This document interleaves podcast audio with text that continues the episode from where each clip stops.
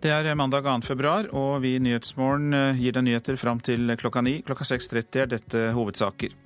Norske myndigheter jobber for å sende mulla Krekar til Italia, skriver Aftenposten. Sykehusene krever millionbøter fra kommunene fordi de ikke har nok sykehjemsplasser til å ta imot pasienter. Kommunene overtar eh, mye av det sykehuset gjorde før. Min angst er at eh, pasientene da får et dårligere og til dels uverdig tilbud. Fylkeslege i Oslo Akershus, Petter Schou. Den antiislamske bevegelsen Pegida sprer seg til stadig flere europeiske land.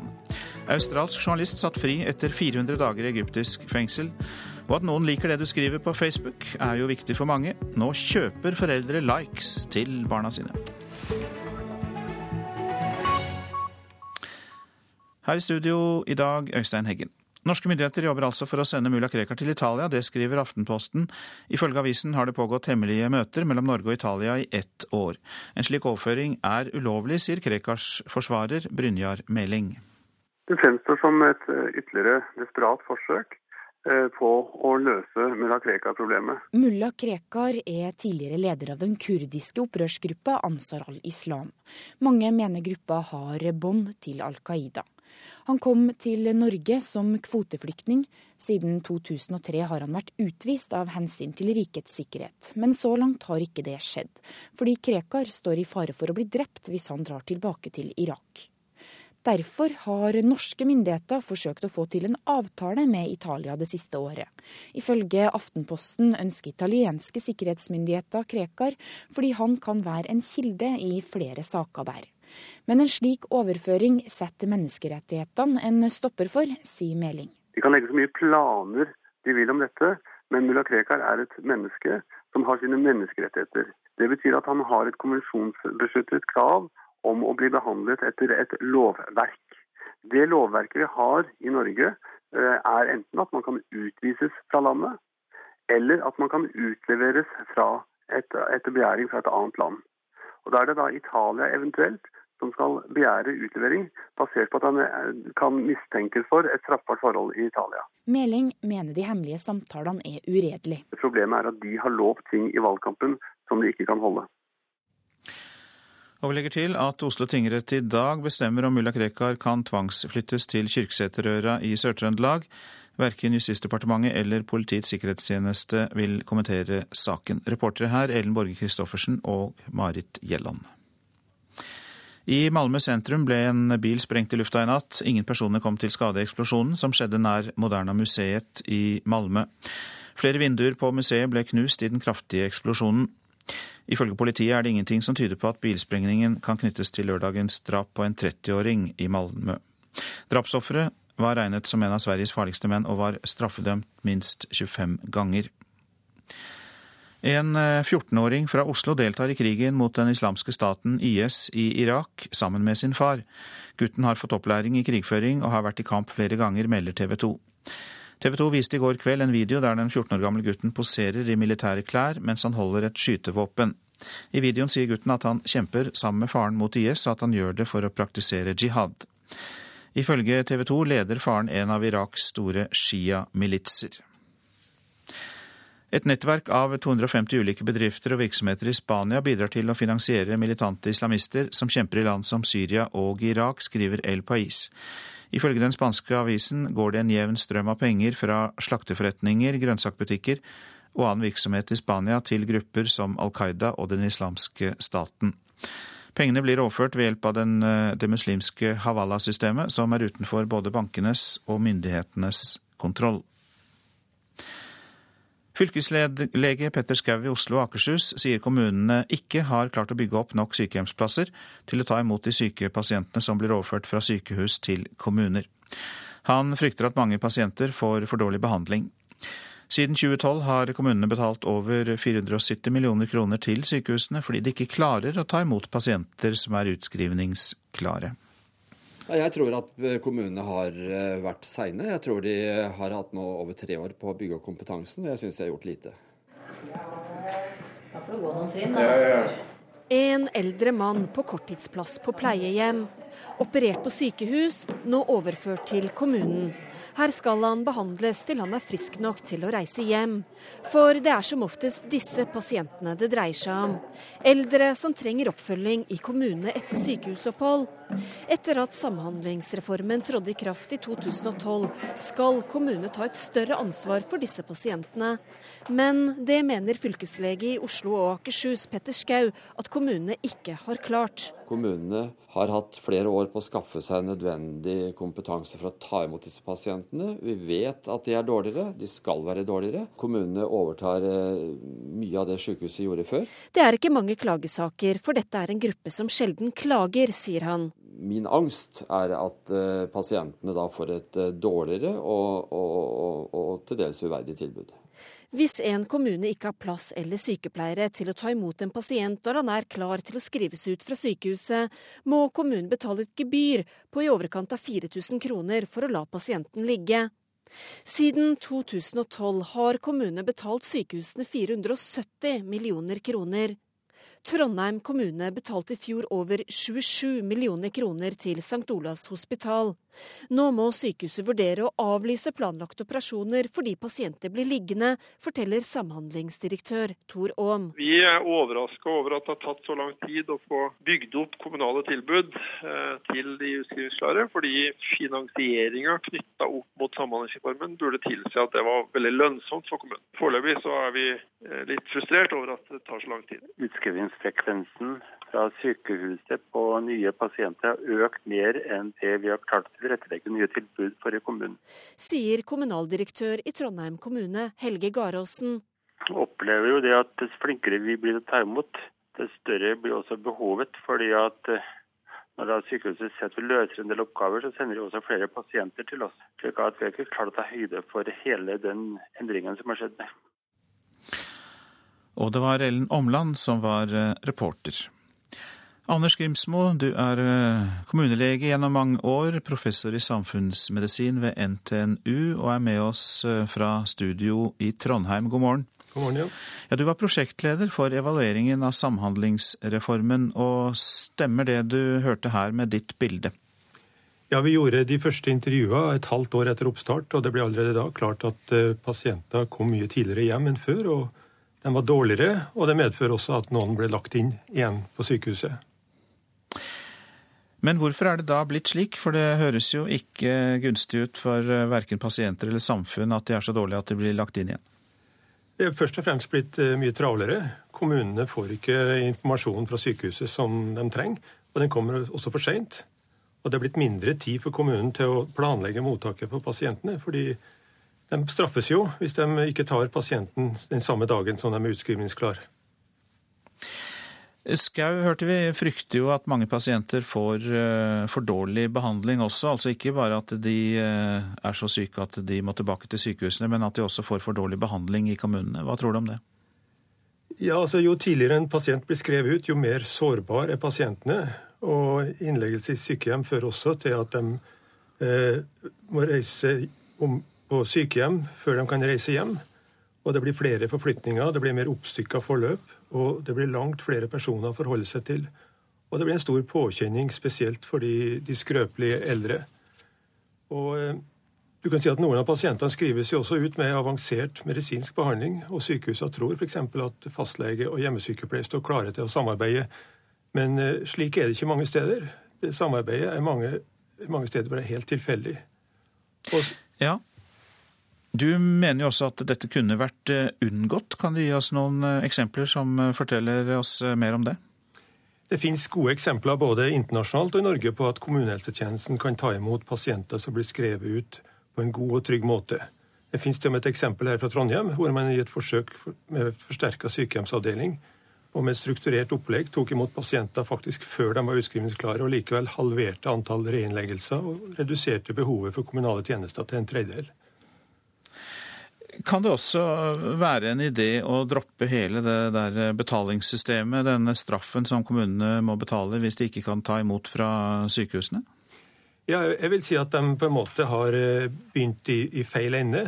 En skulle ha begynt med, med, å heve den faglige kompetansen og, og utforma et uh, oppløp for mottak av pasienter som fulgte faglige retningslinjer. Dette er egentlig Helsedirektoratets oppgave, men det har ikke skjedd så lang tid, verken med hensyn til hva som er det beste opplegget til å ta imot pasienter, eller hvordan en skal behandle pasienter med mange kroniske sykdommer som gjelder 90% av dem som kommunen tar imot. Så det er en mangel på retningslinjer for kommunene her? Ja, det mangler retningslinjer. Det er på en måte bare starta et løp uten at en på en måte har fått en nasjonal planlegging av hvordan det skal foregå. Men eh, hva, hvem er det som bør ta tak i dette, først og fremst? Det er jo mange parter i, i dette her. Og eh, jeg vil jo si at, eh, at eh, skal en på en måte få til et godt opplegg, så må en på en måte ha utvikla gode veiledere for hvordan en skal håndtere en sånn situasjon som det her.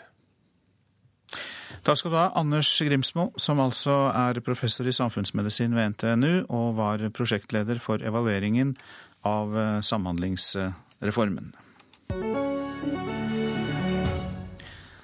Den australske journalisten Peter Greste ble i går satt fri og sendt ut av Egypt. Det bekrefter det statlige egyptiske nyhetsbyrået.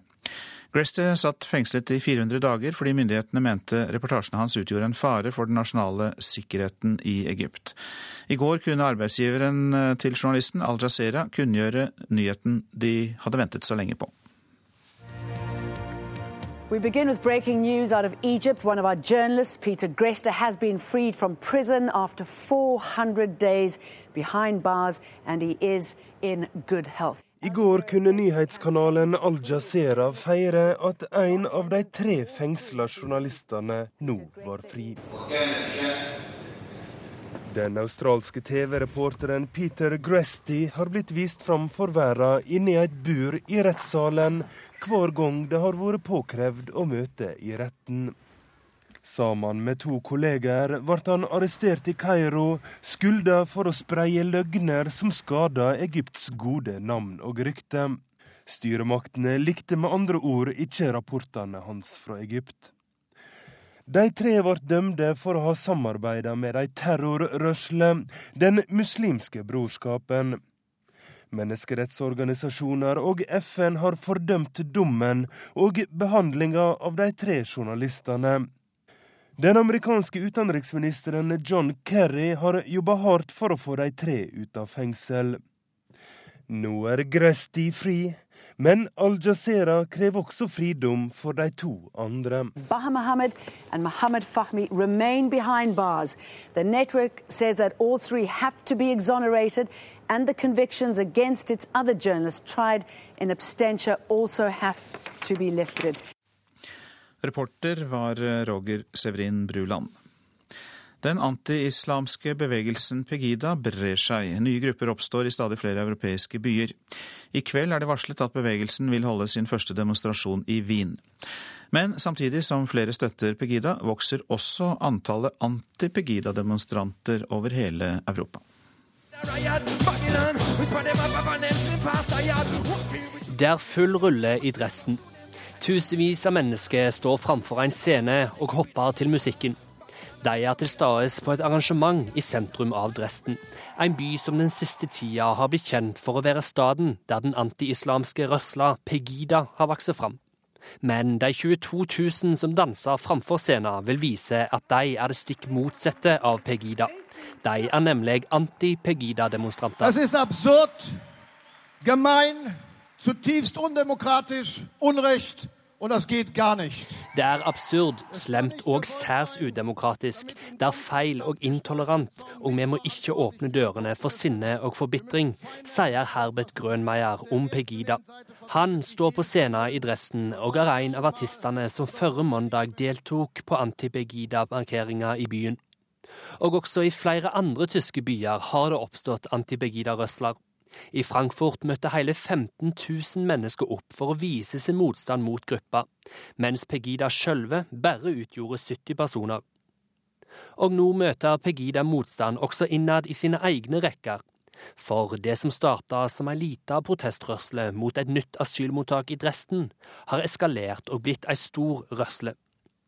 Radikale og nynazistiske krefter har knyttet seg til gruppa, Og etter at et bilde av en Pegida-leder med Hitlerbart havna på Facebook, så har det gått i motbakke for gruppa. Mannen med Hitlerbarten, Lutz Backmann, trakk seg fra ledervervet, men han skaper fremdeles trøbbel. Nach außen wird kommuniziert, man distansiert seg fra Herrn Bachmann und uh, im Grunde Offisielt sier de at Bachmann ikke lenger styrer Pegida, men han har fulgt aktiv i kulissene, og det kan vi ikke støtte, sier René Jan, som før helga trakk seg som nestleder i Pegida, sammen med fire andre i ledelsen. Men trass problemer innad i tyske Pegida, så vokser gruppa fram flere steder. Siste skudd på stammen er Wien, der det i kveld er varsla Pegida-demonstrasjoner for første gang. Det er en anti-islamsk vind som bles gjennom Europa. Og så gjenstår det å se om motkreftene er sterke nok til å få vinden til å løye. Den reportasjen var laget av Vegard Kjørom. Avisene nå. Tungtvannsheltenes tøffe liv. Dagbladet forteller om Knut Haukelid, som ledet senkingen av Hydrofergen. Han bar med seg sårene fra krigen resten av livet, sier sønnen Bjørgulf.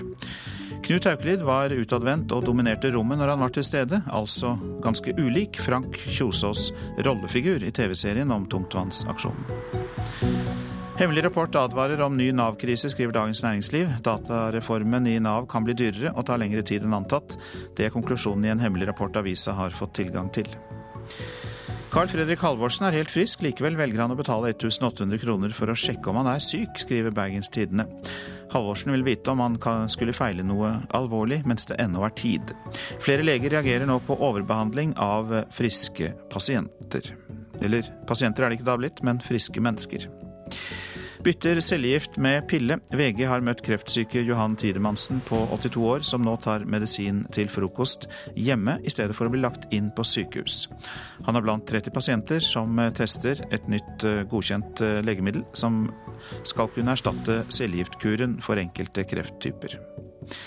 LO-leder Geir Kristiansen varsler opptrapping av kampen mot arbeidsmiljøloven, skriver Klassekampen. Hun vil ta kampen inn i lønnsoppgjøret og i kommunevalgkampen. De som tror at vi har brent av kruttet på en to timers politisk streik, tar grundig feil, sier Kristiansen.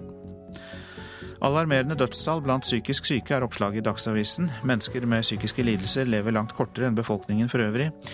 Lite aktivitet, rusmidler og dårlig kosthold fører til dårlig helse.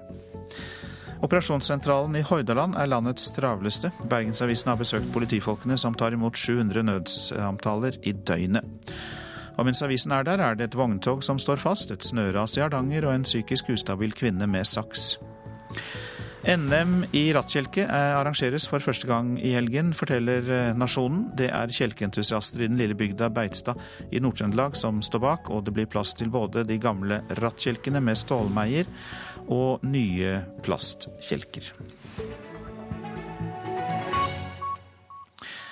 I natt ble den prestisjetunge Superbowl-finalen i amerikansk fotball spilt mellom New England Patriots og Seahawk Seattle. Finalen er blant de største og mest underholdende øyeblikk i USA, med over 100 millioner TV-seere, og nattens kamp ble intet unntak. Ooh, Gronkowski getting into it with Irvin.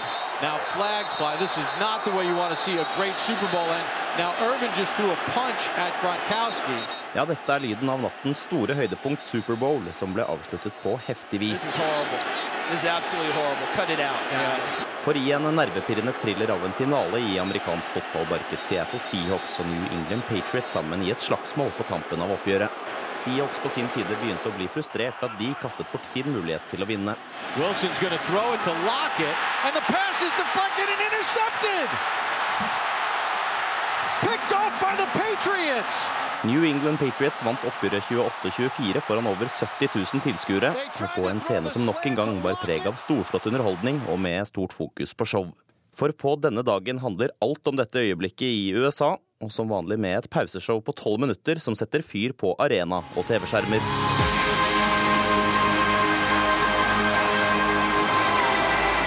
I år var det artisten Katy Perry som sto for showet som ble avsluttet med fyrverkeri, før Patriots altså dro i land seieren.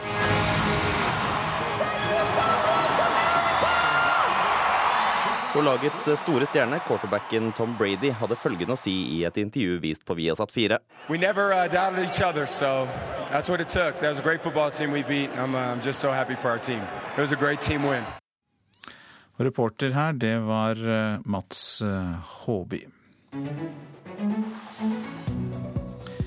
Dette er Nyhetsmorgen, og klokka den er 6.50 der. Vi har disse hovedsakene. Norske myndigheter jobber for å sende mulla Krekar til Italia, skriver Aftenposten. En slik overføring er ulovlig, sier Krekars forsvarer Brynjar Meling.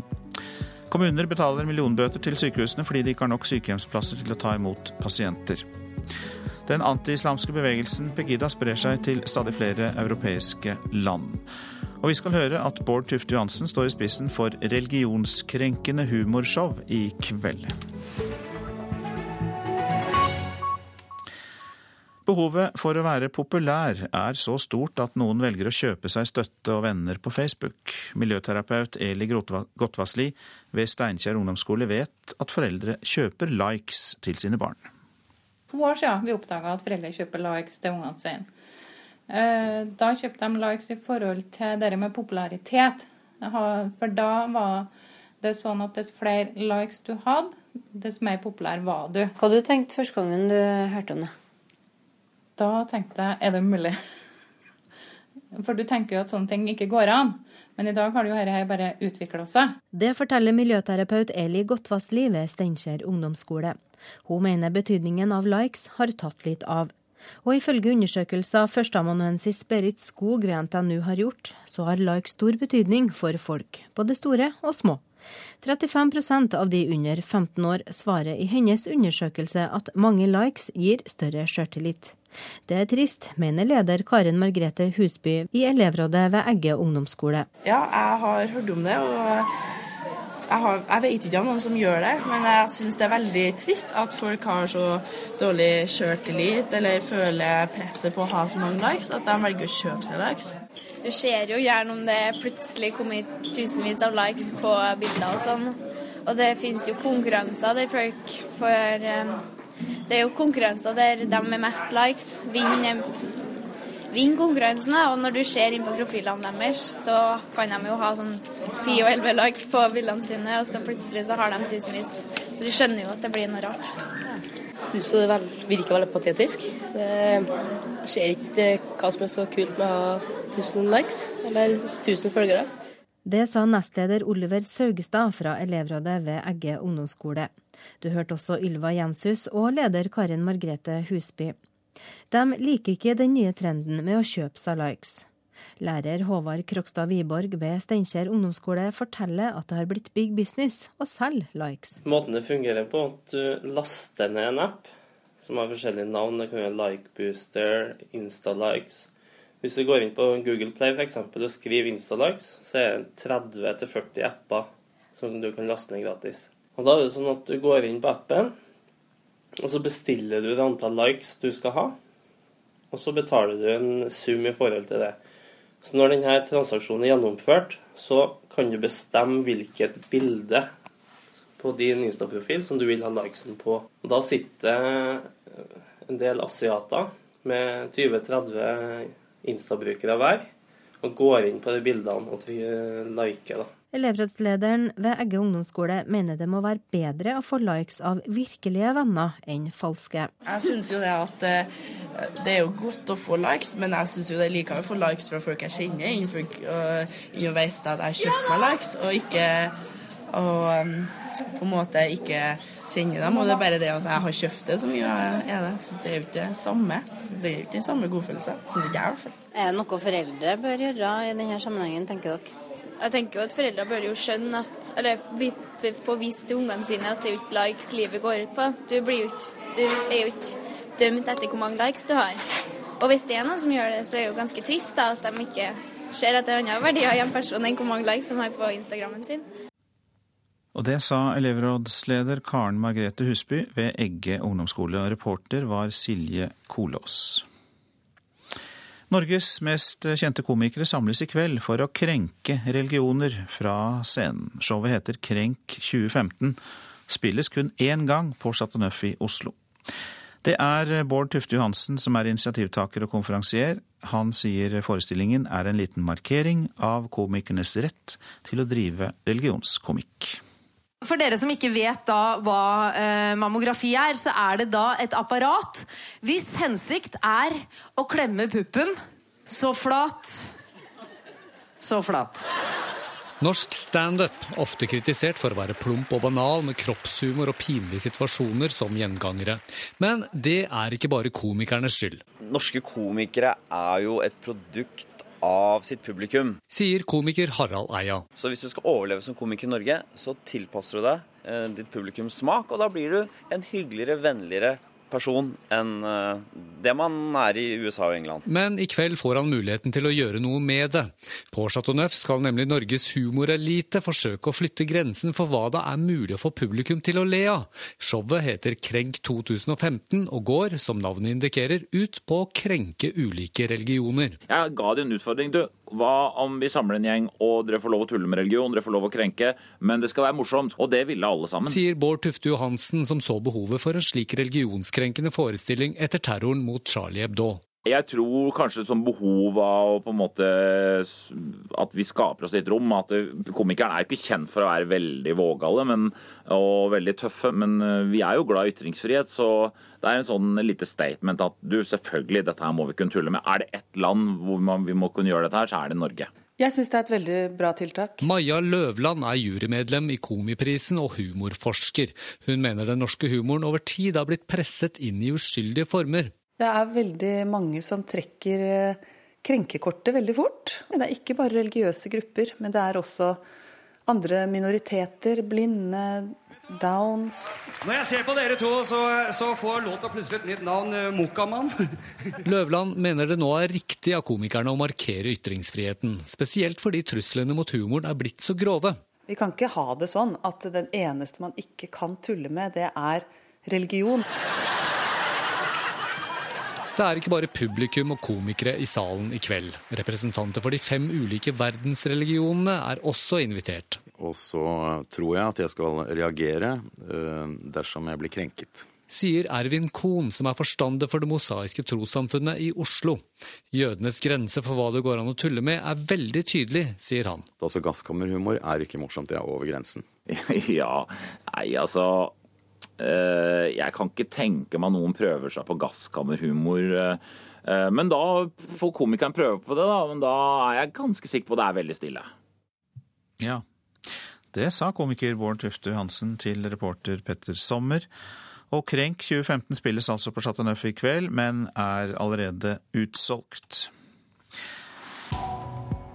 Så tar vi med at president Barack Obama oppfordrer amerikanske foreldre til å vaksinere barna mot den svært smittsomme barnesykdommen meslinger. Meslinger kan være dødelig, og et utbrudd i California har på nytt aktualisert debatten om vaksine i USA, der stadig flere nekter å vaksinere barna av frykt for bivirkninger eller av religiøse årsaker. Så var det værvarselet fram til midnatt. Fjell i Sør-Norge. Først på dagen kuling utsatte steder i nord. Enkelte snøbyger nord for Langfjella. Ellers stort sett pent. Østlandet liten kuling i ytre Oslofjord. Utpå dagen minkende vind. I østlige områder litt snø av og til, og oppholdsvær. Telemark og Agder skyet eller delvis skyet oppholdsvær. I kveld pent vær. Rogaland og Hordaland nordlig periodevis liten kuling på kysten. Mulighet for enkelte snøbyger på kysten, men ellers stort sett pent. Sogn og Fjordane periodevis liten kuling på kysten og i fjellet. Enkelte snøbyger i Nordfjord og ytre strøk, men ellers oppholdsvær. Møre og Romsdal og Trøndelag snøbyger. Nord-Trøndelag stort sett oppholdsvær.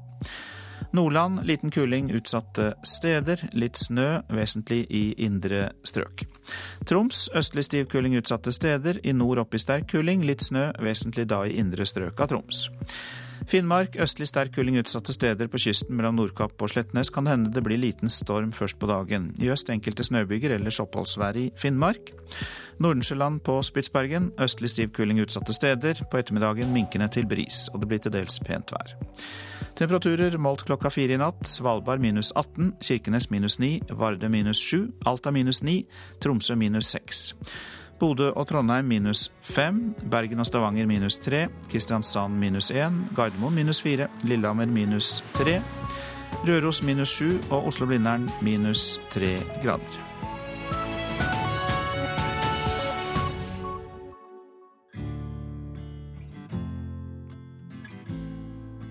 Sokndal kommune i Rogaland har fire severdigheter, og, hvis vi skal tro musikkanmelderne, én nasjonalskatt. Sommeren lover, sommeren lyver. Sommeren gir deg et forsiktig kyss på kinnet Tønes spiller live fra den blodferske plata si i Kulturhuset på NRK P2 klokka 13. Rekordmange flyktninger ble bosatt i Norge i fjor. Nå må kommunene ta imot enda flere.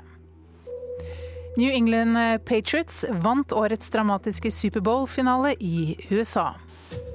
Her er NRK Dagsnytt klokken sju.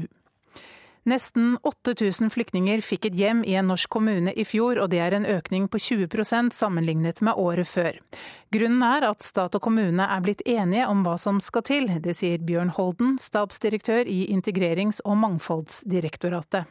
Det har vært fokus på, på boligvirkemidler, på kvalifisering som gjør at flyktningene kommer i arbeid, og at kommunene skal ha en tilfredsstillende dekning av, av utgiftene. Men nå blir altså kommunene bedt om å ta imot enda flere. Bakgrunnen er at flere av asylsøkerne har beskyttelsesbehov og får opphold. Norge skal dessuten ta imot flere overføringsflyktninger, bl.a. fra Syria. I tillegg sitter 5000 personer i asylmottak og venter på å få flytte ut. Det betyr at eh, kommunene må bosette over 10 000 flyktninger både i år og neste år, dersom vi skal unngå at eh, køene øker og ventetiden blir lengre. Reporter Katrin Hellesnes. Norske myndigheter jobber for å sende mulla Krekar til Italia. Aftenposten skriver at det har vært hemmelige møter mellom Norge og Italia i ett år. Ifølge Krekars forsvarer Brynjar Meling er en slik overføring ulovlig, og det er i tilfelle Italia som, Norge, som må be Norge om å utlevere Krekar. I den sørsvenske byen Malmö har det vært en kraftig eksplosjon i natt, og politiet tror det var en bil som ble sprengt i luften. Flere vinduer på Moderna museet ble knust, men ingen personer ble skadet. Og ifølge politiet er det ingenting som tyder på at eksplosjonen er knyttet til lørdagens drap på en 30-åring i Malmö. New England Patriots slo Seattle Seahawks i årets Superbowl, den store finalen i amerikansk fotball. Superbowl er et av de store underholdningsøyeblikkene i USA, med over 100 millioner TV-seere. Now Irvin just threw a punch at Gronkowski. I en nervepirrende thriller av en finale i amerikansk fotball barket Seattle Seahawks og New England Patriots sammen i et slagsmål på tampen av oppgjøret. New England Patriots vant oppgjøret 28-24 foran over 70 000 tilskuere, på en scene som nok en gang var preg av storslått underholdning og med stort fokus på show. For på denne dagen handler alt om dette øyeblikket i USA, og som vanlig med et pauseshow på tolv minutter som setter fyr på arena og TV-skjermer. Det fortalte reporter Mats Håby. NRK Dagsnytt, Marit Selmer Nedrelid.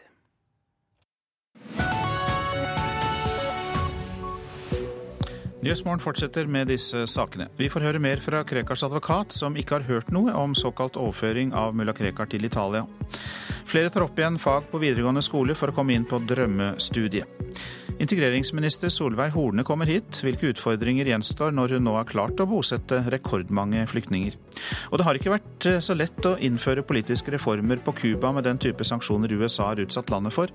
Ja, det sier Norges utenriksminister Børge Brende. Han er nå på besøk på Cuba.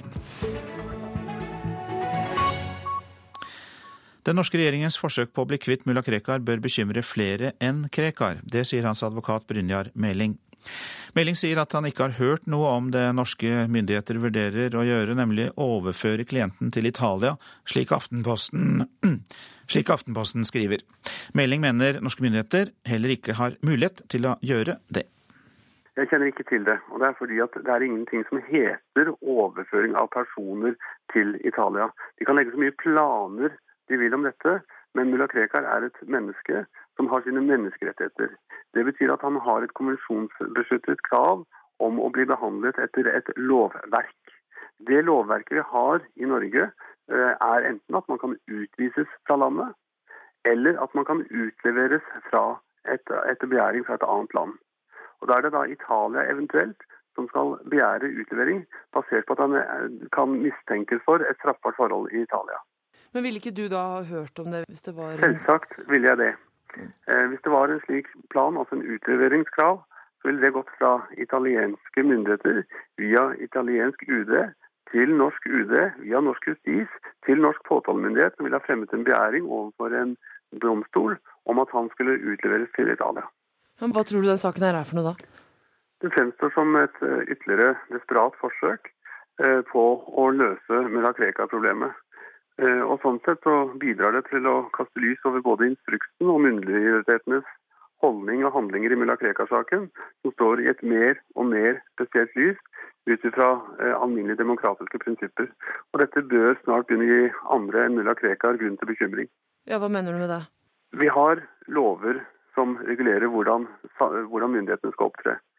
Og Da er det viktig at eh, myndighetene går foran andre og viser vei at lover og konvensjoner er noe vi respekterer. Eh, nå syns jeg de begynner å nærme seg den grensen ganske betydelig eh, med den aktiviteten de viser for å løse et problem. Og det Problemet er at de har lovt ting i valgkampen som de ikke kan holde. Verken Justisdepartementet eller PST har ønsket å kommentere denne saken overfor NRK. Reporter Ellen Borge Christoffersen. I fjor fikk nesten 8000 flyktninger et hjem i en norsk kommune, en økning på 20% sammenlignet med året før. Det viser tall fra Integrerings- og mangfoldsdirektoratet. Men behovet øker, og nå blir kommunene bedt om å bosette enda flere i år og neste år. Bodø kommune har tatt imot utfordringen. Vi har veldig mange nå som er integrert i Bodøs arbeidsliv, og det er veldig positivt for Bodø. Sier ordfører Ole Henrik Jartøy fra Høyre. Bodø sa ja til 90 flyktninger i fjor, og like mange både i år og neste år. Vi har eh, hatt en målsetting om at eh, flest mulig skal være raskt ute i arbeid etter introduksjonsprogrammet, altså minimum etter to år. Og vi eh, har en veldig høy prosentandel her, langt over landsgjennomsnittet. Barna i den eritreiske familien leker i snøen i vinterkalde Bodø. Storesøster Aserbajane Nagash passer på. Jeg kan, men jeg bruker fint klær. Familien på ni kom fra en flyktningleir i Sudan til Norge for nesten ett år siden. Det er bra, fordi det er uh, fint uh, land, og det er uh, fred.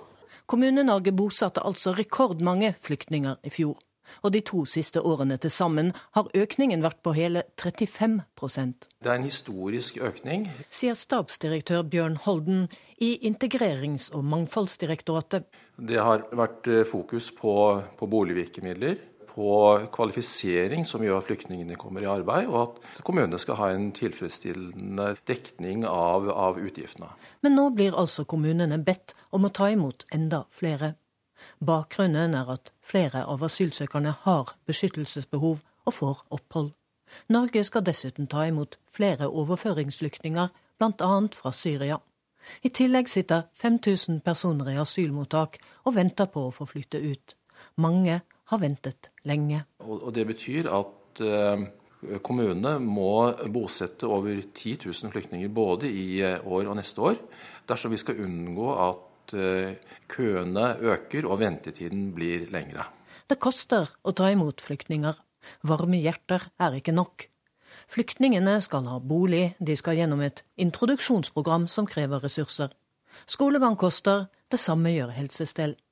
Pengene fra staten strekker ikke til, sier ordfører Hjartøy i Bodø. Og at det er en underdekning, eh, det har vi eh, også beregninger på. Og I tillegg så har vi vel noe økte sosialhjelpsbudsjett eh, i den sammenheng. Så det er noen utfordringer, ja, men det er også veldig mye positivt. Reportere Katrin Hellesnes og Øystein Nygård.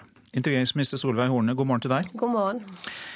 Ja, sammen med kommunene så har dere altså klart å bosette langt flere flyktninger enn eh, før. Er du da fornøyd? Jeg er veldig fornøyd med at vi har altså fått bosatt så mange i fjor. sånn at har, Det har ikke vært bosatt så mange på siden 94, eh, og det er historiske, de tallene. Det har vært en prioritert oppgave for, eh, for regjeringen, og vi har satt i gang flere virkemidler for å øke denne bosettingen.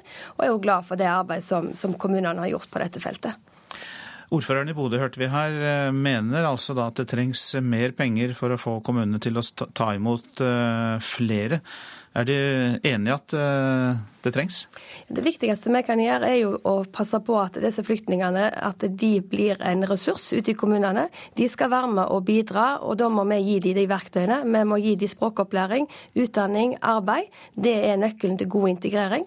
Og Jeg har det siste halve året hatt møte med over 50 ordførere, og det de peker på, det er å få dekt mer av kostnadene sine. Det er å få større fleksibilitet i introduksjonsordningen, slik at vi kan få lettere å få dem ut i utdanning og arbeid, og at de kan være med og bidra i kommunen.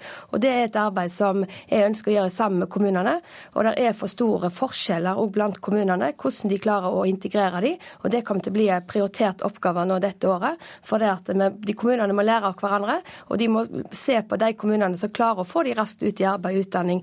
De ser òg at dette her blir positive ringvirkninger, og at eh, flyktningene blir en ressurs i kommunen. Men det betyr at du høres ut som du har mer penger, og mer penger må vel også til? For det er store utfordringer også videre i de nærmeste årene? Ja, Regjeringen har jo økt integreringstilskuddet i fjor og i år, så nå er vi oppe og dekker nesten 90% av kostnadene som kommunene har. Vi har økt også boligtilskuddet til Husbanken, for at bolig er noe som alle ordførere peker på er en utfordring. Vi har òg satt i gang to prøveprosjekt i Østfold og i Hordaland, der Fylkesmannen skal få et større ansvar for bosettingen. Så det arbeidet er vi godt i gang. Og vi har òg økt eh, det tilskuddet for de som har store helseutfordringer, for det, det er en utfordring for å få bosatt de, og er veldig glad for det arbeidet som kommunene har gjort nå. Men selvfølgelig, vi som statlige myndigheter må òg følge med og, og, passe på at kommunene får den, de ressursene de trenger på dette arbeidet. Helt til slutt, Det er jo noen kommuner som ikke tar imot flyktninger i det hele tatt eh, fortsatt, selv om det nå har blitt tatt imot flere. Kan det fortsatt være snakk om å bruke tvang overfor disse? Jeg ønsker at det skal være en frivillighet når vi skal bosette. Det er på den måten vi klarer å få kommunene med oss på laget. Og Jeg har nå det siste året skrevet brev til alle kommuner og bedt de om å ta imot. Og Det er noen kommuner som har sagt nei, de har utfordringer. Men så er det, ser vi også at det er kommuner som får til det integreringsarbeidet. Og Da er det viktig å se på hva vi kan bidra med, at de kan være med og bidra mer. Takk skal du ha. Solveig Horne, integreringsminister, takk skal du ha. Nå skal vi høre at flere tar opp eh, fag fra videregående skole på nytt for å komme inn på drømmestudiet. Skoleelever som allerede har gode vitnemål fra videregående skole, tar likevel opp igjen fag som privatist for å forbedre vitnemålet enda mer. På Sonans privatgymnas i Oslo bruker elever, mange av dem, mange tusen kroner på å pusse på karakterene. Jeg har lyst til å komme inn på medisin, forhåpentligvis. Og da må jeg ta opp en del fag for å få gode nok karakterer. Jeg har endra plan i livet, egentlig. Man må få bare seksere alt overalt. Bøyd over mattebøker, psykologiartikler og fysikkformler sitter elevene på lesesalen på Sonans i Oslo. De vil alle inn på drømmestudiet, men har ikke gode nok karakterer fra videregående. Jeg tror jeg gikk ut med sånn 4,5 Sånn helt basic, liksom. Og det er ikke godt nok til at 24 år gamle Cassandra Taraldseth kan komme inn på drømmestudiet juss i Oslo. Så da må hun ta opp fag hun har hatt før. Jeg tar seks fag og skal ta åtte eksamener. Det er ganske heftig. Det er veldig heftig. Ja, mange har jo, har jo ambisjon om å komme inn på drømmestudiet. Sier administrerende direktør Erik Brandt i Sonans utdanning. De har hatt en enorm økning av privatister de siste årene, og slik er det i resten av landet også. For eh, fem år siden tok drøye 41 000 elever privatisteksamen. I fjor var tallet over 68 000. Altså, de har på en måte et vitnemål fra før av som, som, er bra, men de trenger å få et enda bedre vitnemål for å komme inn på drømmestudier som krever høy, høyt karaktersnitt for å komme inn. I tillegg til de som vil forbedre karakterer eller ta ekstra fag, er det også elever som har strøket om å ta opp fag. Men eh, drømmestudiet er gjerne hovedmotivasjon, og det koster. Hvis du skal gå fulltid her i ett år, så koster det rundt 60 000 kroner. Det er jo en kostnad for samfunnet. Altså at du forlenger skoletida på noe du allerede har brukt tid på. Og det er, jo, det er jo å kaste vekk ressurser. Sier Kjell Salvanes, professor ved Norges handelshøyskole. Han mener det er positivt at unge har ambisjoner, men mener karakterjaget kan ende opp i en evig runddans. Du har en femmer i matematikk fra videregående, og da kan du en god del når du har en femmer. Eh, når du har en sekser, så kan du kanskje bare litt, bitte lite grann mer, men det er nødvendig for å komme inn på eh, akkurat den linja. Så sånn sett kan det være på en måte en sånn evig runddans, dette her, at du på en måte det blir verre og verre å komme inn. Og disse, disse som konkurrerer med hverandre, det, de konkurrerer og konkurrerer, men de, på en måte, de lærer ikke noe mer. Cassandra Taraldseth jobber for å få toppkarakter på alle åtte eksamener til våren. Det koster henne 14 000 kroner bare i eksamensavgift, i tillegg til 33 000 i skolepenger for et halvt år. Jeg synes det er veldig kjipt at jeg er nødt til å, at alt blir veldig tallbasert. Karakterer, liksom. Det, det, er jo ikke Hvis at jeg ikke får en sekser i matte, betyr ikke at jeg ikke kan hjelpe noen med de andre ferdighetene jeg har. Reportere her Irina Kjelle og Marit Gjelland. Carl eh, Eirik Kval, god morgen til deg. God morgen. Du er lektor, forfatter av boka 'Det store skolesviket'. Og eh, ja, kommer mange av dine elever til å ta opp fag fra videregående, tror du? Ja, det er jeg helt overbevist om. Men vi hørte i saken at det har vært en dobling av de som da melder seg opp til privatisteksamen. og Hva tror du ligger bak? Hva er årsaken til dette? Det er selvfølgelig flere grunner. Eh, vi har dette vi kaller for sluttvurderingsprinsippet, altså at innsatsen gjennom skole og ikke skal telle. Og Det gjør nok at mange tror de skal ta et skippertak på slutten, men da kommer jo russetida inn i tredje klasse, hvor de bruker fire tider på det de kaller å rulle, altså å være på en, på en russebuss. Eh, og så tror jeg datamaskinen har ødelagt veldig mye for elevene. Og det er mye mer fravær blant elever i dag enn det var før. Hvordan er datamaskinen ødelagt? Nei, de elevene klarer ikke å konsentrere seg, mange av dem. De fleste av dem klarer ikke det. Bruker mye tid på annet tull og tøys uh, som ligger uh, klart opp i dagen på en datamaskin. Ja, Det hørtes eh, ille ut. dette her. Hva kan samfunnet gjøre for å rette opp dette? Datamaskinen er jo kommet for å bli. Ja, absolutt. Ja, det er ikke noe, eh, skal, datamaskinen skal ikke ut av, av, sko, av, skolerommet i det hele tatt. Eh, klasserommet. Men det vi må gjøre, er å sette datamaskinen i et skap til den skal brukes. Jeg tror, er, jeg tror, ikke disse elevene klarer å ha selvdisiplin nok til å bruke datamaskinen på en fornuftig måte hvis de har den tilgjengelig hele tida. Og hva blir konsekvensen for samfunnet hvis dette bare fortsetter uten at man eh, gjør noe med det? Nei, Det betyr jo at elevene bruker mer og mer tid på å ta opp igjen eh, fag. Og det er jo bortkasta ressurser, som denne professoren sa. Eh, det, er, det opprettes jo ikke flere medisinstudier bare for at elevene får eller plasser fordi at elevene får bedre karakterer. Det er jo ikke sånn det fungerer, så da bruker de bare mer tid på det. Det er jo på samfunnet ganske kostbart, og for den enkelte elev også. Du nevner jo russetida, du nevner jo eh, at man ikke klarer å konsentrere seg godt nok, altså distrahert. Datamaskinene bør settes i skapet. Men eh, det kan jo også være at eh, samfunnet stiller hardere og hardere krav til å komme inn på de virkelig attraktive studiene, at det ligger noe der også, det kravet i andre enden? Jo, men det, Dette kravet øker jo bare jo mer elevene får anledning til å ta opp igjen og forbedre karakterene, så øker jo det kravet bare mer og mer. Jeg må samtidig si at jeg aldri har hatt hyggeligere elever enn jeg har i dag. De er ekstremt vennlige og forekommende. Det er ikke det det går på. Og jeg, jeg syns faktisk litt synd på dem òg, for de har veldig høye ambisjoner på mange områder, men tida strekker rett og slett ikke til. Um, og da tror jeg vi må prøve å hjelpe dem litt med å lage bedre struktur på skolehverdagen. Altså få datamaskinene bort. Sørge for at de kommer på skolen og gjør det de skal. Ehm, ja, og, og, og, la innsats i timen gjennom skoleåret telle. For sånn er det jo ikke nå. Og det gjør at de, de tror på dette skippertaket som de altså ja, likevel ikke får til. Og så må de da ta opp igjen studiene sine. Vi konkluderer med kamp mot skippertaket og eh, kamp for å sette datamaskinen i skapet i perioder. Karl Eirik Kval, kan jeg tolke deg dit hen? Det er helt riktig. Takk skal du ha. Du er forfatter av boka 'Det store skolesviket', og eh, også da lektor. Du lytter til Nyhetsmorgen. Klokka den passerte 7.18 nettopp. Vi har disse hovedsakene. Norske myndigheter jobber for å sende mulla Krekar til Italia, skriver Aftenposten. Flere tar opp igjen fag på videregående, hørte vi her, for å komme inn på drømmestudiet. Rekordmange flyktninger ble bosatt i norske kommuner i eh, fjor. Den australske journalisten Peter Greste ble i går satt fri og sendt ut av Egypt. Familien hans forteller at han er på Kypros sammen med broren sin, og at han er frisk og har det bra. Greste og to av hans kolleger fra nyhetskanalen Al Jazeera har vært fengslet i Egypt i 400 dager. En egyptisk domstol mente at reportasjene deres var en fare for den nasjonale sikkerheten. Fengslingene førte til sterke internasjonale reaksjoner. Yes. en god morgen for en lettet pappa. Familien til Peter Greste møtte mediene hjemme i Brisbane i Australia i dag. I over 400 dager har de ventet på beskjeden om at sønnen og broren var fri fra egyptisk fengsel, og i går kunne de endelig slippe gleden løs.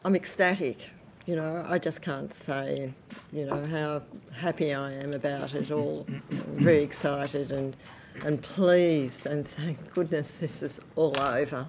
Takk Gud for at alt dette er over, sier en overlykkelig mor, Louise Greste. Presset på egyptiske myndigheter for å få løslatt den australske journalisten og hans to kolleger fra Al Jazeera har vært enormt. Peter Grestes bror, Andrew, sier at familien er takknemlig.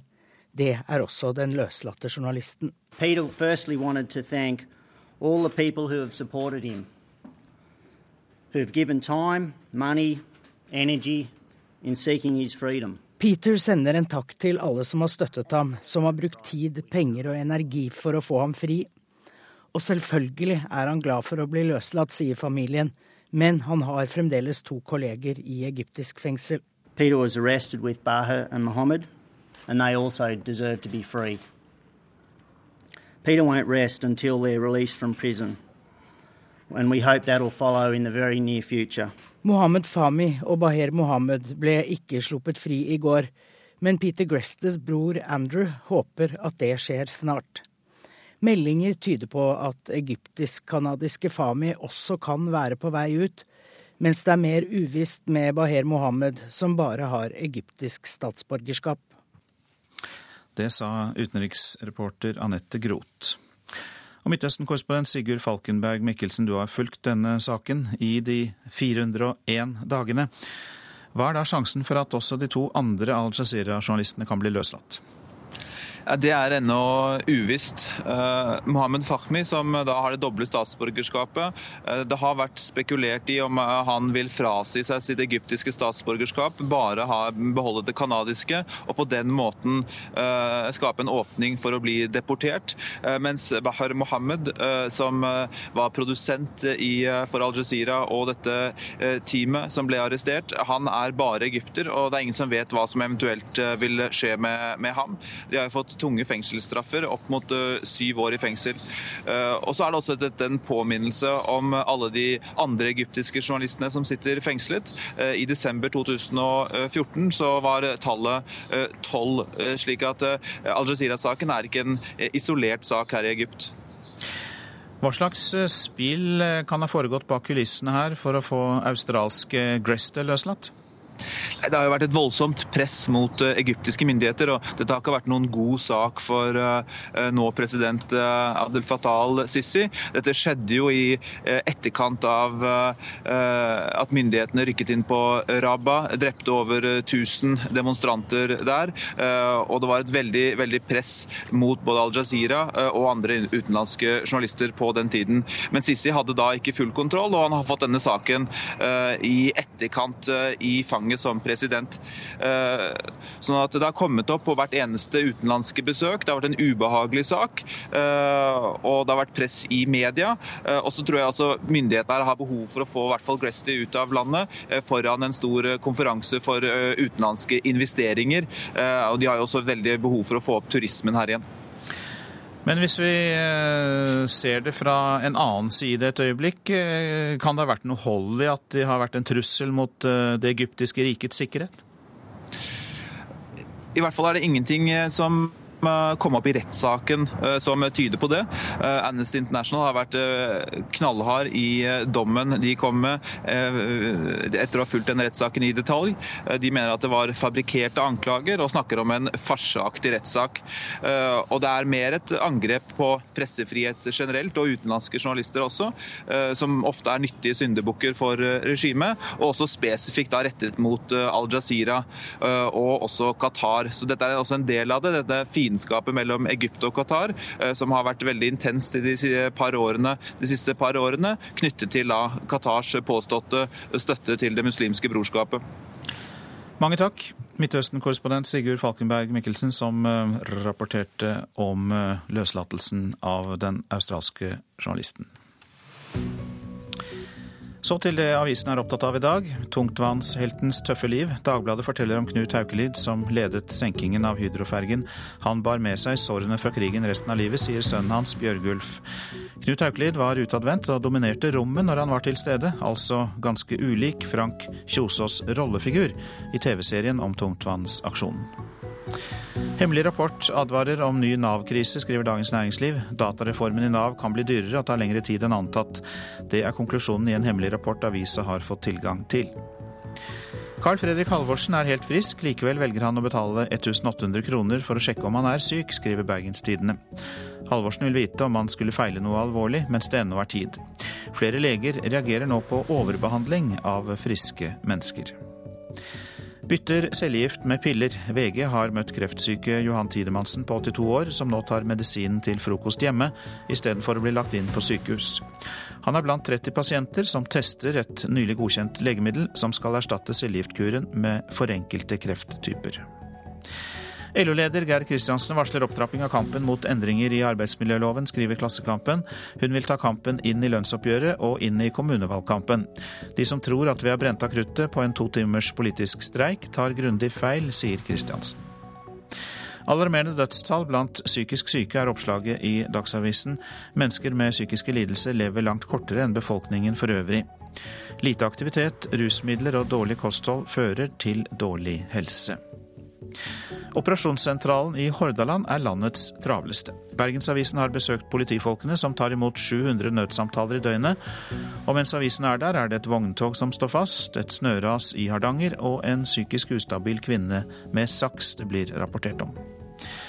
NM i rattkjelke arrangeres for første gang til helgen, forteller Nasjonen. Det er kjelkeentusiaster i den lille bygda Beitstad i Nord-Trøndelag som står bak. Og det blir plass til både de gamle rattkjelkene med stålmeier og nyere plastkjelker.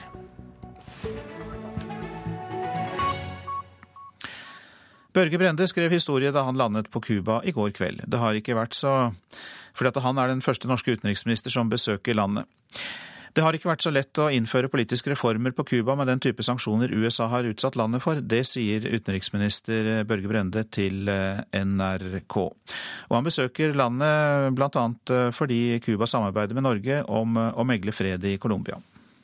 Når utenriksminister Brende skal forklare hvorfor dette historiske besøket akkurat nå, så sier han at det skyldes to ting. For det første starter en ny runde i fredsforhandlingene mellom FARC-geriljaen og colombianske myndigheter i Havanna i dag. For det andre er det skapt en historisk mulighet med president Barack Obamas ønske om å normalisere forholdet til Cuba. Det er viktig at eh, vi støtter opp om helt nødvendige økonomiske reformer og politiske reformer i dette landet. Obama har mer støtte hos Norges utenriksminister enn i Kongressen når det gjelder synet på blokaden av Cuba. Norge har ment det i 20 år, og har sagt det i FN nå, at denne embargoen ikke har eh, fungert. Og som utenriksminister Kerry har slått fast, den har jo ikke isolert Cuba i Latin-Amerika, men heller isolert eh, USA.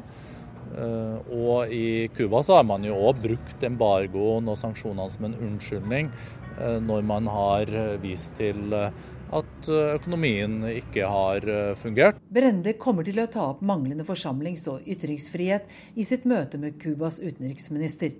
Men han går langt i å gi USA medansvar for manglende politiske reformer. Når det gjelder manglende politiske reformer, så ser man at det det er ikke så lett når man blir utsatt for den type sanksjoner fra sin store nabo i nord. Men Norges utenriksminister starter mandagen med en frokost med regimekritiske bloggere og aktivister. Lynvisitten avsluttes i kveld. Groholm, Havanna.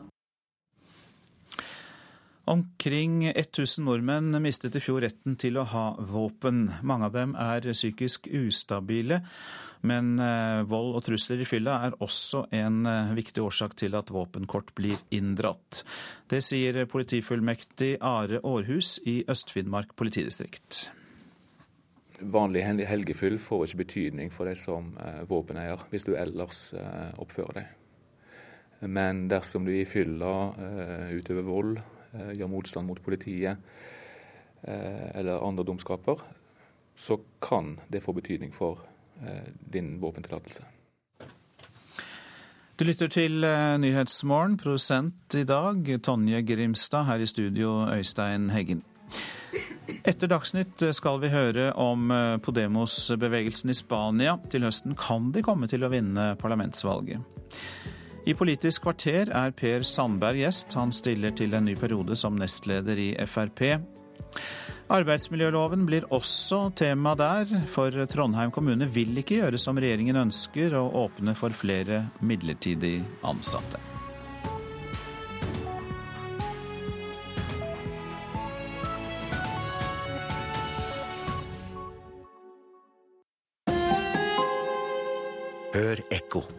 Holocaust. Folkemordet mot armenerne. Stalin. Mao. Pol Pot. Rwanda. Og nå ISIL. Vi mennesker utrydder hverandre. Barn, kvinner, menn. Alle slaktes ned for fote. Hvorfor gjør vi det? Og har det alltid vært sånn at mennesket driver med folkemord? Ekko 9 11 i NRK P2.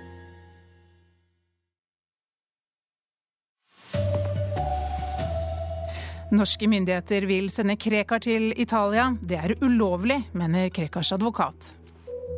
Rekordmange flyktninger fikk et nytt hjem i Norge i fjor, men nå må kommunene ta imot enda flere. Og foreldre blar opp og kjøper likes på sosiale medier for at barna skal bli mer populære.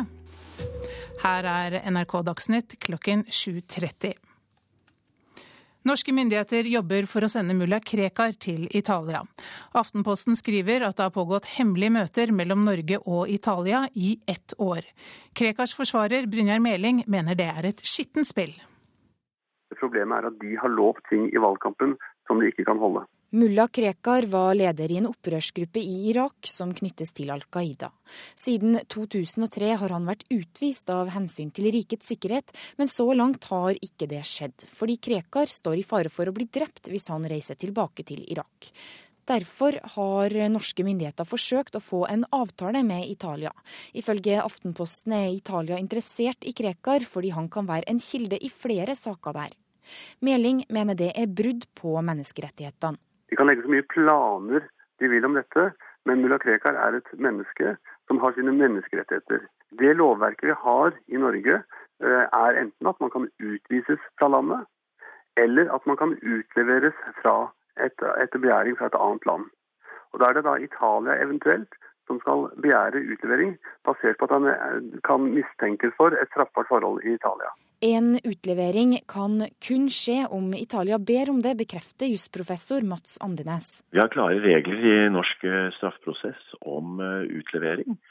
Og, det gjelder naturligvis her, og, og må følges eh, helt, helt, klart også i, i Krekars sak. Verken Justisdepartementet eller Politiets sikkerhetstjeneste vil kommentere saken. Det fremstår som et ytterligere desperat forsøk på å løse mulla Krekar-problemet. Og i dag bestemmer Oslo tingrett om mulla Krekar kan tvangsflyttes til kirkseterøra i Sør-Trøndelag. Reportere Ellen Borge Christoffersen og Marit Gjelland. Nesten 8000 flyktninger fikk et nytt hjem i en norsk kommune i fjor, og det er en økning på 20% sammenlignet med året før. Men behovet øker, og nå blir kommunene bedt om å ta imot enda flere. Barna i den eritreiske familien leker i snøen i vinterkalde Bodø. Storesøster Asebayane Nagash passer på. Jeg kan, men jeg bruker fint klær. Familien på ni kom fra en flyktningleir i Sudan til Norge for nesten ett år siden. Jeg uh, går på norskkurs. Første gang det er vanskelig, men nå det er uh, bra. Kommune-Norge bosatte altså rekordmange flyktninger i fjor. Og de to siste årene til sammen har økningen vært på hele 35% Det er en historisk økning sier stabsdirektør Bjørn Holden i Integrerings- og mangfoldsdirektoratet. Økte tilskudd til boliger og andre utgifter er noe av årsaken. Men i 2015 så står vi overfor en enda større utfordring. Fordi prognosene nå viser at eh, det er over 9000 nye flyktninger som skal eh, bosettes i år. Årsaken er at flere av asylsøkerne har beskyttelsesbehov og får opphold. Norge skal dessuten ta imot flere overføringsflyktninger. I tillegg kommer de som allerede venter i asylmottak. Så kommunene må ifølge Holden ta imot 10 000 flyktninger både i år og neste år. Dersom vi skal unngå at eh, køene øker og ventetiden blir lengre. Bodø kommune har sagt ja til 90 nye flyktninger. De vil antagelig erfare noe av det samme som Josef i den eritreiske familien. Vi har ikke dårlig men vi har dårlig klær. Reportere Katrin Hellesnes og Øystein Nygaard.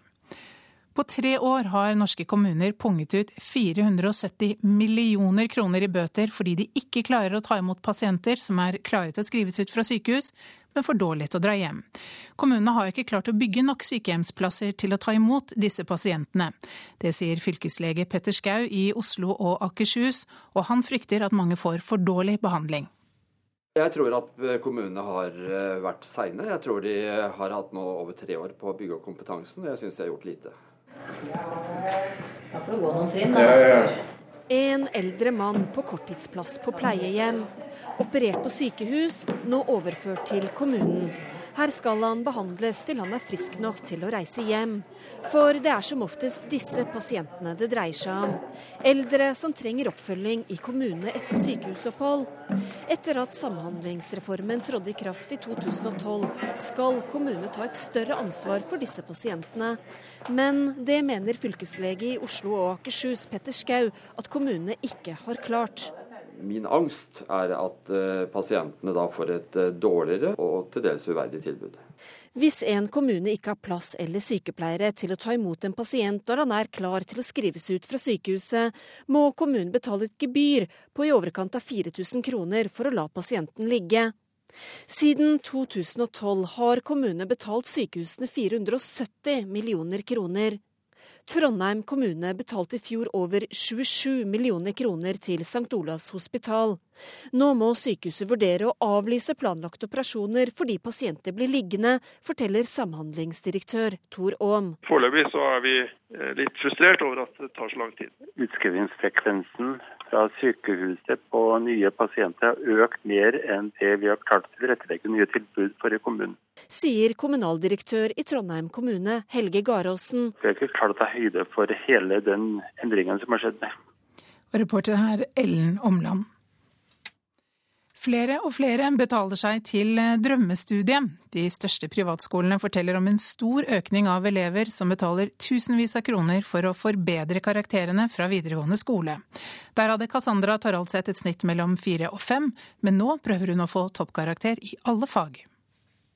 Jeg tar seks fag og skal ta åtte eksamener. 24 år gamle Cassandra Taraldseth sitter bøyd over bøkene i klasserommet på Sonans privatgymnas i Oslo.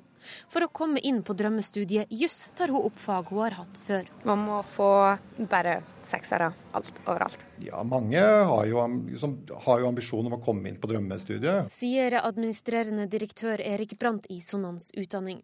De har hatt en enorm økning av privatister de siste årene, og slik er det i resten av landet også. For fem år siden tok drøye 41 000 elever privatisteksamen.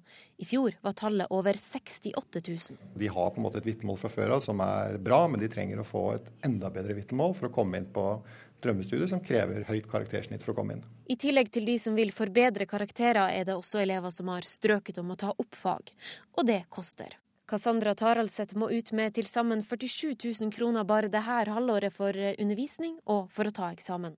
Men det koster også samfunnet. Det er jo på en måte en kostnad for samfunnet. Altså at du forlenger skoletida på noe du allerede har brukt tid på. Sier Kjell Salvanes, professor ved Norges handelshøyskole. Han mener det er positivt at unge har ambisjoner, men mener karakterjaget kan ende opp i en evig runddans. Det blir verre og verre å komme inn, og disse, disse som konkurrerer med hverandre, det, de konkurrerer og konkurrerer, men de, på en måte, de lærer ikke noe mer. Irina Kjelle og Marit Gjelland var reportere her. Behovet, behovet, for å være populær er så stort at noen velger å kjøpe likes og falske venner på sosiale medier. Apper som fikser likes er blitt butikk, og foreldre blar opp for barna. Når du ser inn på profilene deres, så kan de jo ha sånn 10 og 11 likes på bildene sine, og så plutselig så har de tusenvis. Så du skjønner jo at det blir noe rart. Det sier elev Ylva Jenshus ved Egge ungdomsskole. De liker ikke den nye trenden med å kjøpe seg likes. To år siden vi oppdaga at foreldre kjøper likes til ungene sine. For da var det er sånn at dess flere likes du hadde, dess mer populær var du. Det forteller miljøterapeut Eli Godtvassli ved Steinkjer ungdomsskole. Da tenkte jeg er det mulig? For du tenker jo at sånne ting ikke går an. Hun mener betydningen av likes har tatt litt av. Og ifølge undersøkelser førsteamanuensis Berit Skog ved NTNU har gjort, så har like stor betydning for folk. 35% av de under 15 år svarer i hennes undersøkelse at mange likes gir større sjøltillit. Lærer Håvard Krokstad Wiborg ved Steinkjer ungdomsskole forteller at det har blitt big business å selge likes. Hvis du går inn på Google Play eksempel, og skriver Insta-likes, så er det 30-40 apper som du kan laste ned gratis. Og Da er det sånn at du går inn på appen, og så bestiller du det antall likes du skal ha. Og så betaler du en sum i forhold til det. Det er jo godt å få likes, men jeg syns det er likere å få likes fra folk jeg kjenner, enn folk å vite at jeg kjøpte meg likes.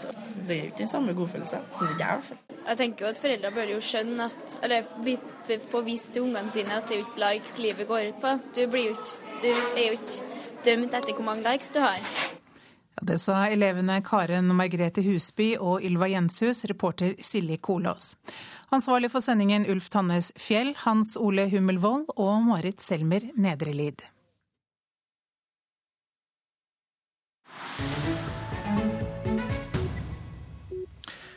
Du lytter til Nyhetsmorgen. I helgen markerte Podemos seg i Spania, misnøyebevegelsen som ble parti og kan vinne valget i Spania til høsten. Vi kan, som Podemos betyr, har mange tilhengere og medlemmer, men enda flere potensielle velgere. Å stemme på Podemos er nemlig det samme som å stemme mot de andre partiene, sier én velger, Luis Alcaraz. Vamos, sí lo apoyaría. Pero por quitar a toda esta gente que hay. Podemos er en populistisk misnøyebevegelse på venstresiden. Relativt nystiftet og på kort tid en maktfaktor som kan vinne valget i Spania i november. Partiets nyvalgte leder Pablo Iglesias ser klare likhetstegn mellom Podemos i Spania og Sirisa, som vant valget i Hellas sist helg. Etter finanskrisen sliter de med de samme problemene, har de samme utfordringene og de samme fiendene i de etablerte partiene og de internasjonale låneinstitusjonene. I think our countries seems sometimes colonies of the, of the powers of the north and, and colonies of the, of the financial powers. For Podemos er Sirisas triumf på søndag en enorm inspirasjon. De to middelhavslandene føler seg som kolonier under Nord-Europa, sier Iglesias. Men bortsett fra fromme ønsker om utjevning og rettferdighet, kamp mot korrupsjon og dyre lån, så har de få svar, annet enn å kjempe for sosiale rettigheter, pensjoner og arbeidsplasser og for endringer og alternativer. Men det er få konkrete poster i programmet om andre politiske temaer. Det er økonomien det dreier seg om. A un cambio que tiene que ver con la posibilidad de construir una alternativa frente a un régimen que se derrumba, una alternativa frente al régimen de la corrupción, una alternativa frente al desastre al que nos están llevando. Men den konservative statsministeren Mariano Rajoy mener Spania ikke har noe valg. Spania må leve opp til sine forpliktelser i EU og de avtaler som er inngått i eurosonen og med Den europeiske sentralbanken. España no está para saltos en el vacío. No podemos volver atrás, ni podemos volver a perder el terreno ganado. No podemos tirar por la borda el sacrificio y el trabajo de tantos españoles. Men i Spania er det ikke bare Podemos som ser lyst på at Syriza vant i helgen. Glimrende, sier en forretningsmann. Nå kan vi bruke Hellas som laboratorium og se om metodene som foreslås, virker. Pero estoy encantado de que salga en Grecia, porque así podemos experimentar en cabeza ajena y nos podemos dar cuenta de cuán equivocada es esa política. Når vi ser hvor galt det bærer av sted, så kan vi lære, sier Fernando Crais i Madrid.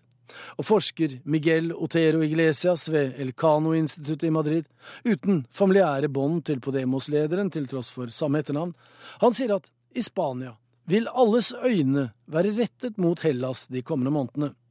Hvis Sirisa mislykkes og ikke klarer å holde valgløftene, må kompromisse og gå på akkord, da vil skuffelsen i Podemos bli enorm, sier han. Um, if Syriza uh, starts to be more flexible, uh, to change some of the policies to achieve less of the goals that it set up at the beginning, um, then there will be a lot of disappointment. Men Pablo Iglesias, han tar ikke sorgene på forskudd. Han nyter sin greske alliertes triumf og er fast bestemt på å kopiere seieren i november. Og nedtellingen, den er allerede i gang.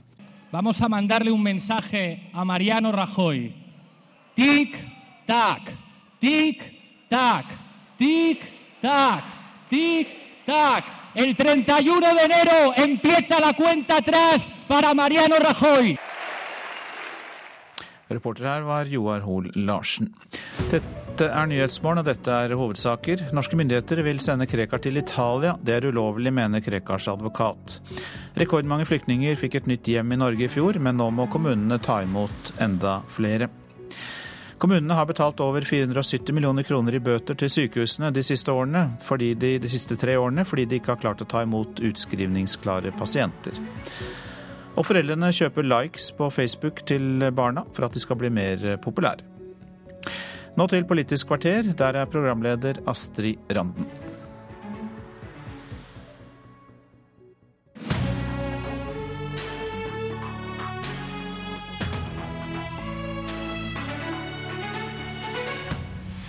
Han har tvilt og vært umotivert, men Frp sin rabulist av en nestleder gir seg ikke. Og Trondheim kommune nekter å følge regjeringa sin nye arbeidsmiljølov. Latterlig og useriøst, sier Høyre. Per Sandberg, god morgen. God morgen. I går kveld sa du ja, du ønska å fortsette som nestleder i Frp. Var det et vanskelig valg? Ja, det er alltid vanskelig. Eh, jeg har vært nestleder siden i 2006, eh, og det er klart at eh, man gjør seg noen sånne vurderinger hele tida. Så jeg laga meg to kørger, ei kørg med nei og ei kørg med ja. Og også denne gangen så ble ja-kurva da tyngre enn nei-kurva. Hvordan er nei-kurven? Nei, det er både hensynet til familie, arbeidstid, strukturer og systemer som gjør at jeg ikke føler hele tida at jeg greier å og eh, rekke over det som er nødvendig i forhold til familien. Nå har jeg også blitt bestefar, ikke sant? så eh, da er det enda en ny rolle man skal ivareta. Partiet ditt eh, har i gjennomsnitt 11,4% på målingene. De partiene de ikke har samarbeid med i Stortinget, sier at tilliten er tynnslitt pga. Frp. Det sliter med å innfri valgløfter på viktige saker, og du har tidligere sagt at du er umotivert og lei. Altså, Hvorfor vil du fortsette? Nei, nå er Det jo eh, det er mange, mange, mange, grunner til det. fordi at eh, Regjeringa jobber nå med masse politiske saker. Det er første gang at vi skal gå inn i en valgkamp i posisjon, altså som regjeringsparti. Eh, og det bygges opp nå en rekke nye eh, hva skal jeg si, eh, grupper i Fremskrittspartiet som skal forsterke ombudsrollen. Eh, jeg får et eget nytt sekretariat, det kan jo lekke til NRK her nå der at vi får eh, noe helt nytt som skal ivareta ombudsrollen på en helt annen måte, som jeg får ansvaret for. På hvilken måte da? Team. Ja, altså Vi oppdager alle sammen det at eh, hver eneste dag så får vi innspill fra folk der ute, fra organisasjoner, fra næringsliv. Små ting som irriterer og gjør hverdagen vanskelig for folk. Nå skal vi rette opp dette. Vi skal, gjerne, vi skal åpne en, en, en, åpen dør inn i Stortinget, der at vår stortingsgruppe skal gå i fronten for å endre eh, forskrifter, små saker som ikke nødvendigvis koster penger men som irriterer folk i hverdagen. Eh, det gleder jeg meg til å ta fatt i, eh, men mest av alt så gleder jeg meg til å være med i en valgkamp der at vi sitter i, sitter i posisjon. Og det skal også åpne for offentligheten til å komme innspill på eh, internett? Det skal være helt åpent, og jeg ser for meg at det kan bli masse, masse innspill i forhold til dette. Men, men vi vet at ombudsrollen er svekka. Eh, jeg syns avstanden fra Stortinget og til folket har blitt for stor, dessverre. Eh, og det siste året mens vi har sittet i regjering, så har vi hatt store utfordringer i forhold til det. Og så har jeg en rolle eh, i forhold til å passe på partiet sine vedtak også. Jeg sitter inni en, en, en triangel der at jeg har regjering, storting og partiet som jeg skal ta hensyn til. Og for meg så er det aller viktigste å, å ta, vare på, ta, vare på, partiet. Mm. Det at du nå er klar for å fortsette som nestleder, eh, betyr det at du også kan være klar for andre oppgaver, f.eks. en statsrådspost? Ja, Nå får jeg nye oppgaver, da, som jeg nettopp nevnte. Jeg skal lede et nytt sekretariat i stortingsgruppa vår, der at jeg får nye medarbeidere som skal jobbe tungt i forhold til ombudsrollen.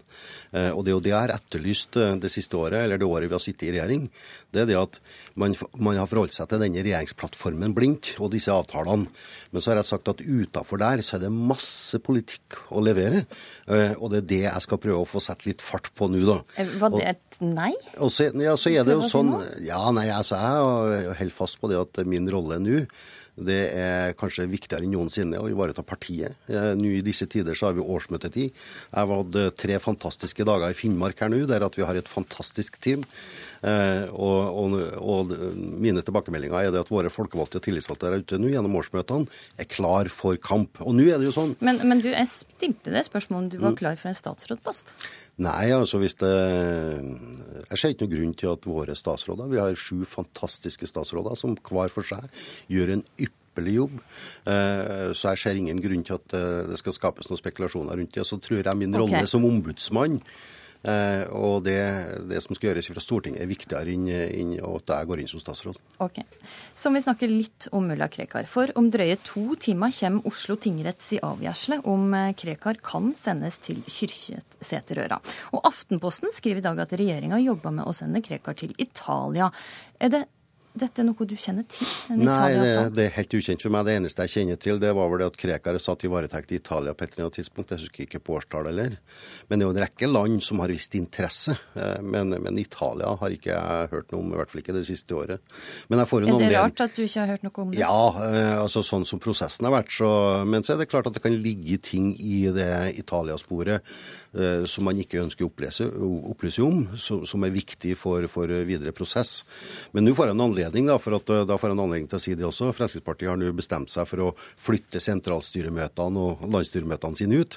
I dag så reiser Ikke bare Krekar som skal ut Nei da, vi reiser ut på landet vi også. Så i, i dag så reiser hele sentralstyret til Stavanger for å holde eh, sentralstyremøte der, med, med møter med organisasjoner og næringsliv. I mars så reiser hele landsstyret til Bodø og holder landsstyremøte der og sentralstyremøte. Og det også ivareta ombudsrollen. Men det, poenget mitt er at da får jeg i hvert fall en anledning til å snakke med justisministeren eh, for å høre litt om dette Italia-sporet. Du skal møte justisministeren seinere senere i dag, altså. Vi spurte ja, vi om han hadde lyst til å komme hit til denne sendinga, men det takka han eh, nei til. Men takk for at du kom, Per Sandberg.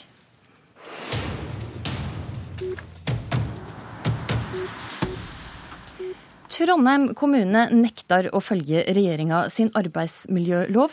De vil ikke åpne for midlertidige tilsette. Geir Våge, gruppeleder i Arbeiderpartiet i Trondheim, du er med oss fra studio der. Hvorfor har det vedtatt å følge dagens praksis, altså den gamle arbeidsmiljølova? Det er fordi at vi ønsker at eh, Trondheim kommune skal være en seriøs eh, arbeidsgiver, en trygg og attraktiv eh, arbeidsplass. Eh, dagens lovverk er på mange områder veldig fleksibel som det er, og vi vet at i fremtida så blir det en stor kamp om arbeidstakerne. Da mener vi at det vil være et konkurransefortrinn for Trondheim å si at uh, i Trondheim så skal vi ikke øke bruken av midlertidige ansettelser, og på den måten skape større usikkerhet blant de ansatte, gjøre det vanskelig for unge i etableringsfasen å få boliglån. Har de ikke anledning til dette, å velge hvilken del av arbeidsmiljølova det ønsker å eh, innføre? Jeg vil si at det vil være oppsiktsvekkende hvis man nå i Stortinget vedtar en arbeidsmiljølov som pålegger kommunene å øke andelen midlertidig ansatte. Jeg forutsetter at eh, vi innenfor det lovverket som nå blir vedtatt, fortsatt skal kunne bruke dagens eh, praksis, fordi at vi mener klart og tydelig at eh, økt bruk av midlertidig ansatte vil skape en større usikkerhet hos de ansatte, hos dem som skal ansettes. Eh, og det er en karusell som bystyret i Trondheim er veldig tydelig på at vi ønsker ikke å være med på. Arve Kambe, leder i arbeids- og sosialkomiteen på Stortinget for Høyre. Du karakteriserer dette som latterlig og flaut. Eh, hvorfor kan ikke Trondheim få lov til å gjøre som de vil? Det kan de selvfølgelig få lov til å gjøre. Eh, poenget her er altså det er over 600 000 mennesker i dag som står og banker på ei dør som har vært lukka etter åtte rød-grønne år. De banker på dør for å få en ny sjanse i arbeidslivet. Vi kommer med en rekke forslag som både skal gjøre arbeidslivet bedre, mer fleksibelt, men ikke minst så handler dette om å gi folk en ny sjanse i arbeidslivet. Og at da Trondheim kommune, som en rimelig stor arbeidsgiver, da skal si at den anledningen vil ikke vi benytte oss av, det er litt merkelig. Både fordi at alle andre trender hos de som ansetter folk, er at ansettelsene gjøres på etatnivå, på skolene på sykehjemmene, på omsorgsinstitusjonene. Og hvis Trondheim bystyre da skal vedta at de reglene som andre kommuner, andre næringsliv har, de skal ikke gjelde for Trondheim kommune, vel, det betyr jo da at mange av dem ikke får den sjansen. Og dette er jo en ledd av en større pakke for oss, som skal bidra til at flere får komme inn i arbeidslivet. Ok, Våge, det tar fra folk sjansen til å få lov til å jobbe i kommunen? Jeg har lyst til å utfordre Høyre litt i denne saken. For det første, nå har jeg brukt mye tid på å lese meg opp på internasjonale erfaringer med økt bruk av midlertidige ansettelser. De aller, aller fleste resultatene viser at økt bruk av midlertidige ansatte fører til flere midlertidige ansatte, ikke til flere ansatte. Det betyr at det er ikke flere som kommer seg inn på arbeidslivet. OECD er veldig tydelig på det og har gått bort fra sine anbefalinger om økt bruk av midlertidige ansatte. Og når Høyre kaller dette for latterlig og useriøst, så lurer jeg på, mener Høyre at de faglige innvendingene fra bl.a. Arbeidstilsynet og Statens arbeidsmiljøinstitutt er latterlig og useriøs, mener Høyre at den internasjonale forskninga som viser at flere ikke kommer seg ut i arbeidslivet, med økt eh, okay. bruk er ja. latterlig og useriøs. Her mener jeg nå, nå For et kort svar på det, Karpe. Ja. Det er jo ingen tvil om at eh, erfaringene i Norge fra Statistisk sentralbyrå viser at eh, for, hvis du får en fot i det arbeidslivet, så øker sjansen med 50% for at man har en fast jobb etter ett år, og to tredjedeler etter to år. Så vi tror at dette virker for norsk arbeidsliv. Problemet til Arbeiderpartiet og de rød-grønne er at de tilbyr redusert lønn på et midlertidig tiltak i Nav-regi mens vi heller vil åpne for full lønn i ordinært arbeidsliv. Det er den ene modellen vår. Samtidig så vet vi at for mange av de som går på tiltak i dag, eh, så går de i ring. De går på tiltak etter tiltak etter tiltak. Det er en usikkerhet. Vi kommer nå med et forslag at det er bedre å sette dem eh, i, i ordinære tiltaksbedrifter. Rett og slett å ha dem på eh, lønnstilskudd i ordinære bedrifter. All erfaring viser får folk komme seg ut i en vanlig arbeidsplass, så øker sjansen for at det går bra det øker sjansen for at de får den neste ansettelsen. Det er trinn to. Og trinn tre det vi gjør, det som bl.a. Trondheim kommune kan hjelpe okay. oss med, ja. det er bl.a. at vi innfører en aktivitetsplikt for unge sosialhjelpsmottakere, nettopp for å unngå at de havner på Nav. Så da spørsmål tilbake okay. Så det har altså ja. veldig forskjellig virkelighetsoppfatning, eh, ikke, ikke overraskende, og hva arbeidsmiljølova eh, vil føre til. Men i Trondheim så er det altså ikke akkurat sånn at det har vært ei føregangskommune når det gjelder arbeidsmiljølova. I eh, 2011 så ble det avdekka at det hadde 26 000 brudd på denne lova. Bør ikke Trondheim kanskje sitte litt stille i båten her? Ja, De bruddene som du viser til nå, er fra 2010. Det var uakseptabelt. Grunnen til at det ble avdekt, var at vi politisk ba om en gjennomgang på statusen sjøl. Eh, jeg mener at alle kommuner burde gjøre det, fordi jeg tror det er store mørketall ute i Kommune-Norge. For vår del så var det viktig å ha full åpenhet, vite hva statusen var, og prøve å få rydda opp i det. Dessverre så er det fortsatt eh, brudd på arbeidsmiljøloven i Trondheim, bl.a. når det gjelder det med antall søndager jobber på rad. Eh, så det er helt klart en jobb å gjøre enda også i Trondheim, selv om mye er rydda Betyr ikke dette at det rett og slett trenger litt flere midlertidige ansatte i Trondheim for å slippe alle disse bruddene på arbeidsmiljølova? Flere, flere midlertidige ansatte vil da ikke løse noe problem, eh, fordi at eh, det som var situasjonen her, er at innenfor dagens avtaleverk så er det faktisk mulig å håndtere det her. Det går an gjennom dagens avtaleverk å få dispensasjoner som gjør at flere kan jobbe flere søndager på rad. Men flere midlertidige ansatte er ikke løsninga. Flere midlertidige ansatte vil bare føre til en større utrygghet for dem som ikke får en fast jobb, og dermed også får, får det vanskeligere med å etablere seg med boliglån eh, og en familietrygghet. Fra Høyre- og Frp-regjeringen så har vi sagt at den, de, de, problemene som Trondheim kommune er blitt avslørt med, at de har hatt titusenvis av brudd på arbeidsmiljøloven, til tross for at de setter i gang en tiltak, så har de mellom fem og ti brudd per dag i Trondheim kommune på arbeidsmiljøloven, som er heftig. Men jeg tror at mange av de bruddene vil forsvinne, rett og slett fordi at vi har en mer fleksibel arbeidstidsberegning som vi har i arbeidsmiljøloven. Den er, tror jeg de fleste kommuner vil være positive til. Den vil gjøre at sykepleiere f.eks. får større stillinger. De vil jobbe færre helger. Jeg tror at måten Trondheim kommune nå legger opp til sitt prosjekt på, betyr dessverre altså at det blir økt bruk av overtid på eksisterende bemanning. Det blir økt bruk av ungdommer som ekstravikarer framfor at du får faglært arbeidskraft. Det blir, betyr redusert kvalitet på tjenestene, dyrere tjenester, vanskeligere planlegger for virksomhetene. Så Trondheim kommune bør egentlig la de som skal ansette, få selv bestemme det med rammene i arbeidsmiljøloven, som er betydelig bedre enn sist. Ok, Kambe, Jeg har et lite spørsmål til deg til slutt. her, og det er, altså, Hvor problematisk for regjeringa blir det om mange kommuner og offentlige virksomheter gjør det samme som Trondheim, og altså ikke vil innføre eh, lova som det vedtek? De innfører jo for så vidt loven, fordi at både i dag og i framtiden så er Ikke følger den, da. Nei, men arbeidsmiljøloven er jo et minimumsregelverk. eh, Og det betyr jo at det er fritt fram for andre å ha andre regler enn det, hvis andre vil gjøre det. Men jeg tror det går utover de som trenger en ny sjanse i arbeidslivet, de som trenger større stillinger, og ikke minst de som er, er der, at de er ansatt for det, og passer på, og bedre kvalitet i tjenestene. Takk for at eh, du kom til Politisk kvarter, Arve Kambe, og takk også til det Geir Våge. I studio i dag var Astrid Randen.